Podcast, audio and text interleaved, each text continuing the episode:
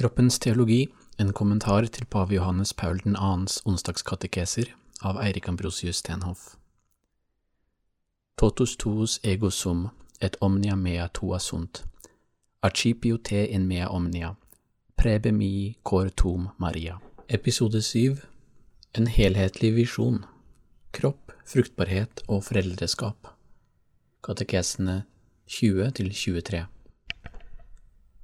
Del 3 Kroppens teologi En fordypet bevissthet Katekesene 22 og 23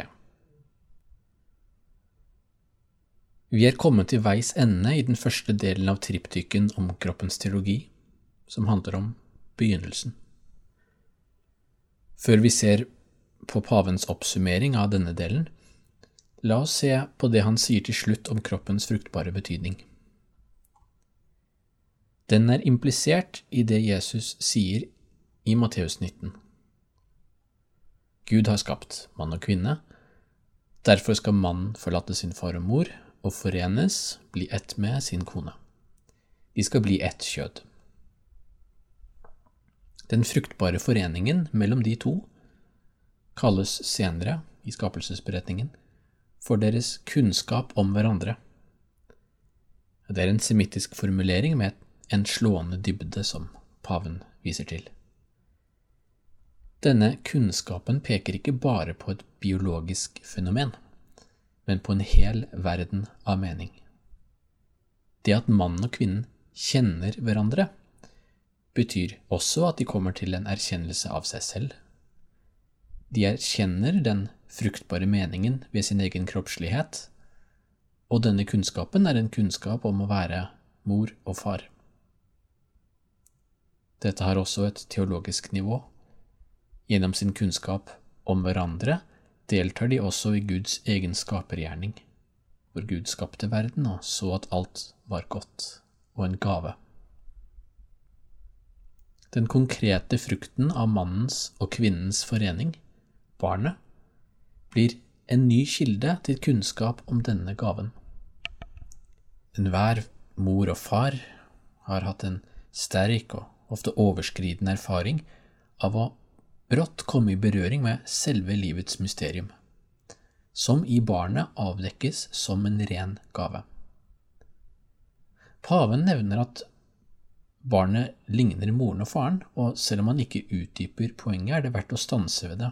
For fruktbarheten betyr, sier han, at både mannen og kvinnen sammen kan si om barnet det som de sa om hverandre i den opprinnelige foreningen. Nemlig, dette er kjøtt av mitt kjøtt og ben av mine ben. Så, men her kan vi jo selvfølgelig si at barnet kan sies å ligne på foreldrene på to forskjellige måter.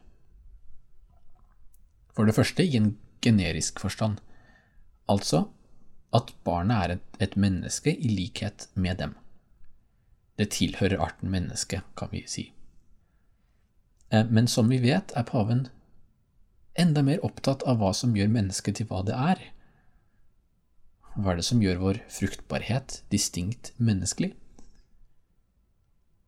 Måten vi ser at barnet ikke bare ligner på et menneske, et hvilket som helst menneske, men nettopp på barna av sine foreldre, avdekker den grunnleggende personlige horisonten. Som vi har sett tidligere, er en klassisk definisjon av personen at den er sui juris et alteri incommunicabilis. Personen er et selvstendig subjekt, kan vi si, eh, som ikke kan utveksles eller reduseres til noen andre. Det kan ikke utveksles med, det kan ikke byttes ut med noen andre.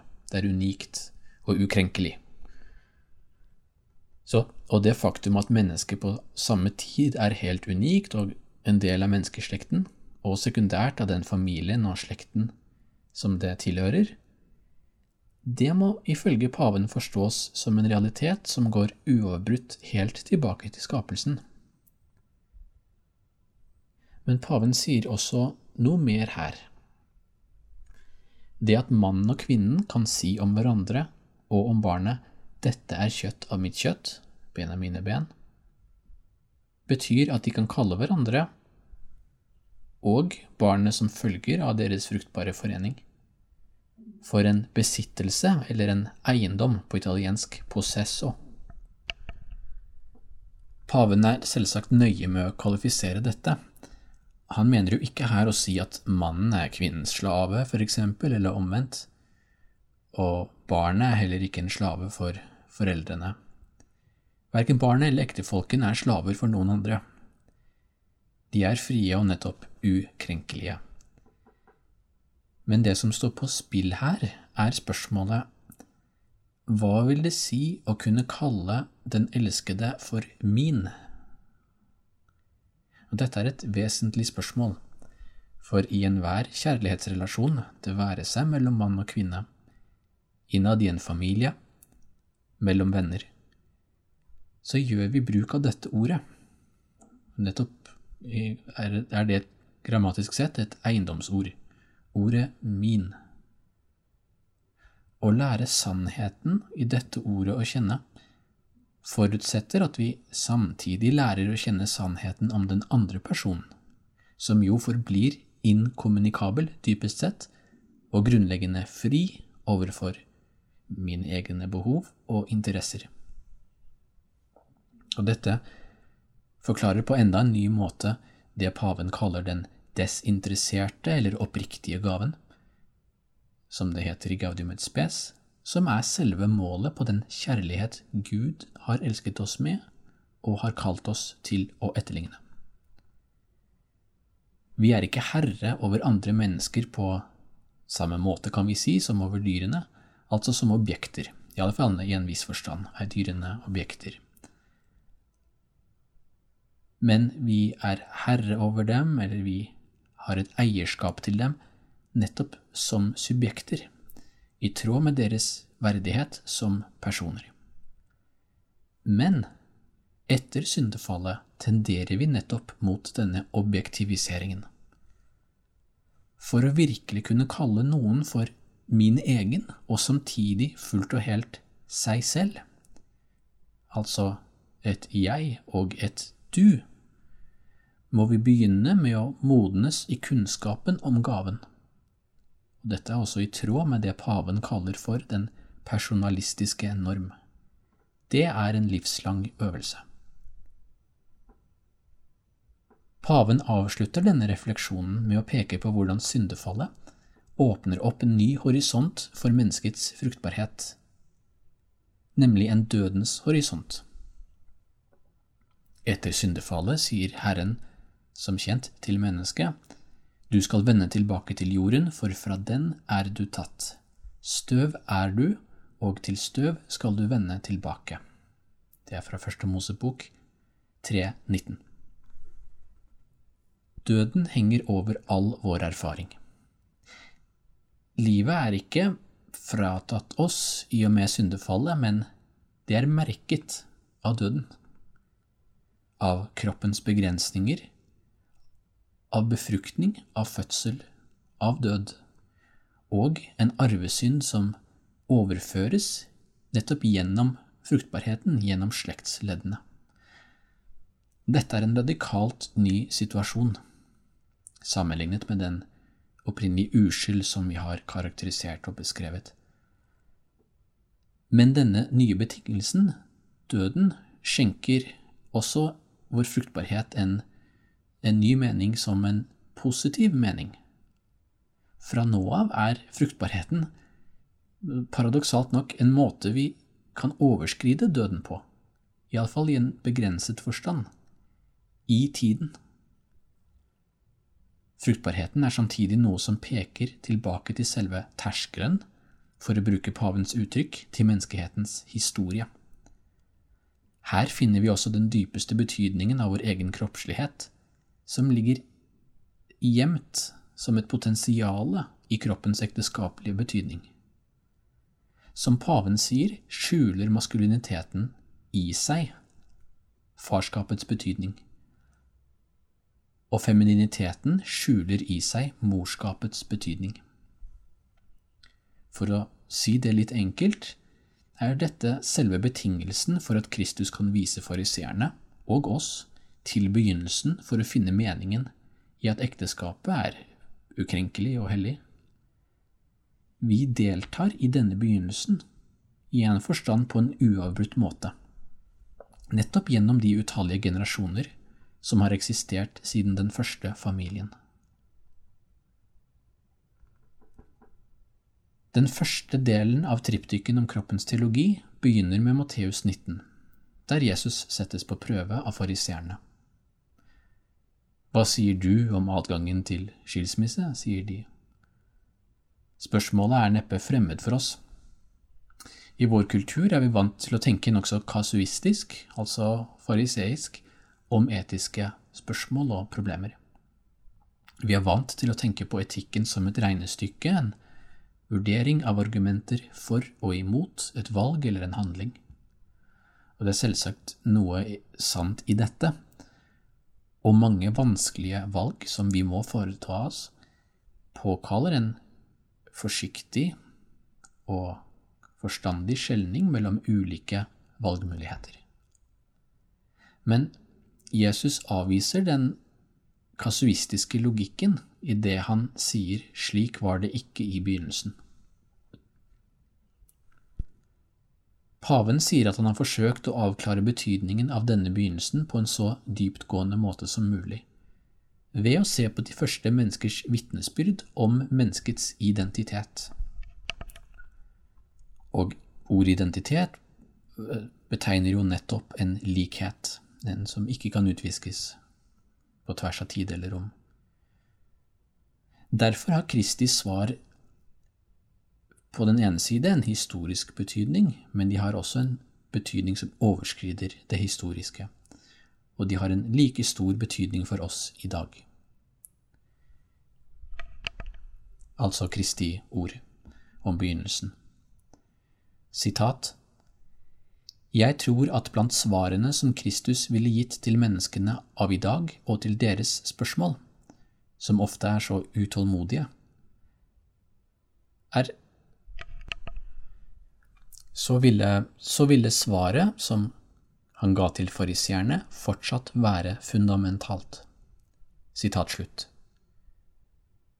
Jesus ville altså ikke bare pekt på begynnelsen, men eh, i vår kulturelle situasjon ville han gjort det på en enda mer ettertrykkelig måte, sier paven, siden vi har kommet så langt bort fra begynnelsen.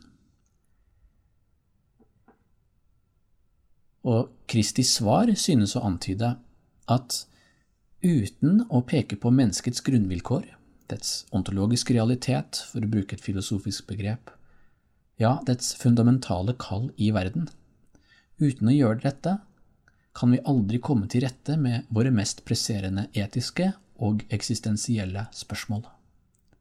Om vi ikke vet hva mennesket er, hvordan skal vi kunne vite hva som er det sant menneskelig å gjøre?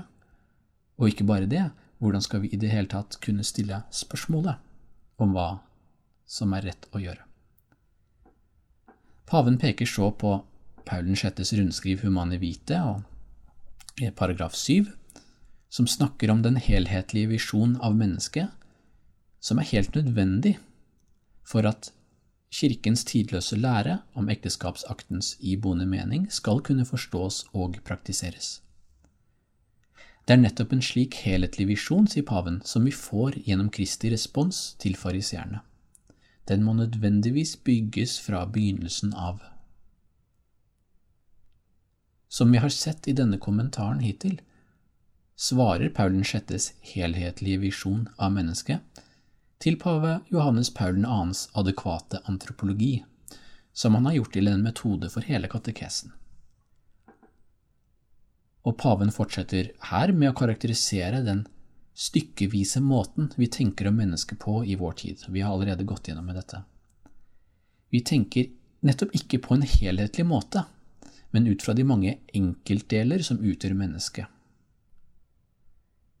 Vi tenker på han, han, Paven skjelner mellom begrepene kompositum og integrum, der kompositum simpelthen er en ansamling av enkeltdeler, uh, mens en integrum er en ontologisk gitt helhet som overskrider enkeltdelene.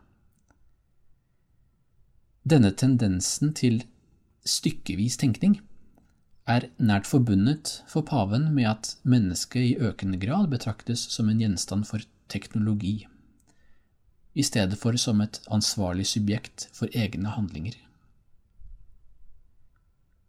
Vi har altså et mer akutt behov for en helhetlig visjon av hva mennesket er, enn noensinne.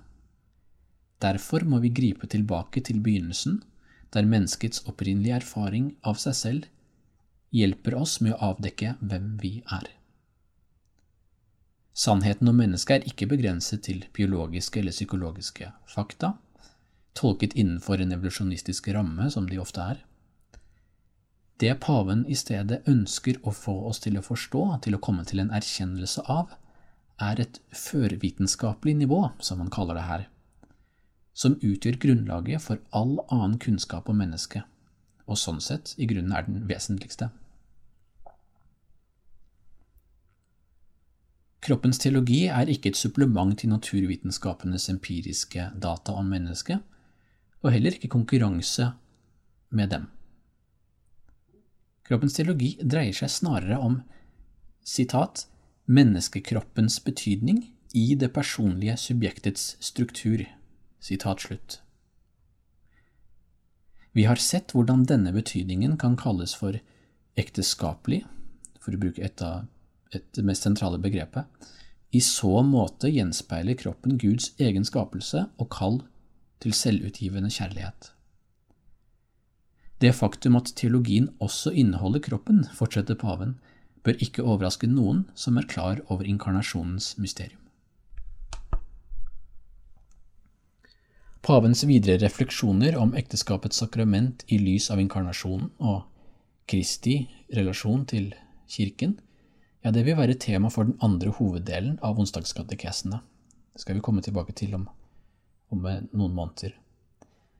Men ekteskapets sakrament og daglig realitet, det er et viktig spørsmål som engasjerer oss minst like mye som det gjorde jødene på Jesu tid.